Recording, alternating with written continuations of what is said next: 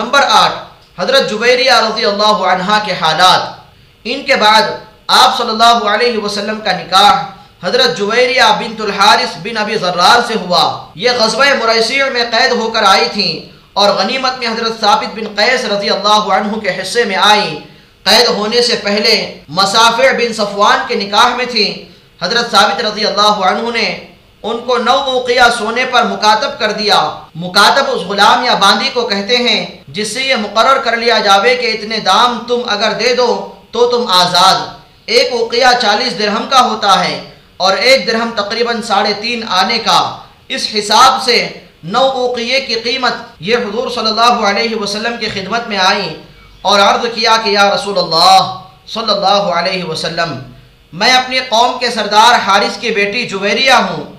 جو مصیبت مجھ پر نازل ہوئی آپ کو معلوم ہے، اب اتنی مقدار میں میں مکاتب ہوئی ہوں اور یہ مقدار میری طاقت سے باہر ہے۔ آپ کی امید پر آئی ہوں۔ حضور صلی اللہ علیہ وسلم نے فرمایا کہ میں تجھے اس سے بہتر راستہ بتاؤں کہ تجھے مال ادا کر کے آزاد کرا دوں اور تجھ سے نکاح کر لوں۔ ان کے لیے اس سے بہتر کیا تھا؟ بخوشی منظور کر لیا۔ اور سن پانچ ہجری میں مشہور قول کے موافق اور بعضوں نے سن چھ ہجری میں اس قصے کو بتایا ہے، نکاح ہو گیا۔ صحابہ رضی اللہ عنہم نے جب سنا کہ بن المستلق حضور صلی اللہ علیہ وسلم کی سسرال بن گئی، تو انہوں نے بھی اس رشتے کے اعزاز میں اپنے اپنے غلام آزاد کر دیے۔ کہتے ہیں کہ ایک حضرت جبیریہ کی وجہ سے سو گھرانے آزاد ہوئے، جن میں تقریباً سات سو آدمی تھے۔ اس قسم کی مصلحتیں حضور صلی اللہ علیہ وسلم کے ان سب نکاحوں میں تھیں۔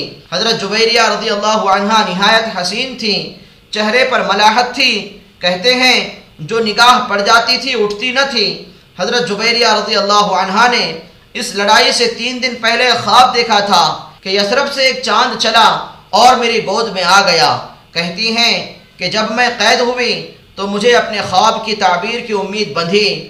اس وقت ان کی عمر بیس سال کی تھی۔ اور ربیع الاول سن پچاس ہجری میں صحیح قول کے موافق پینسٹھ برس کی عمر میں مدینہ طیبہ میں انتقال ہوا اور بعضوں نے ان کا انتقال سن چھپن ہجری میں ستر برس کی عمر میں لکھا ہے۔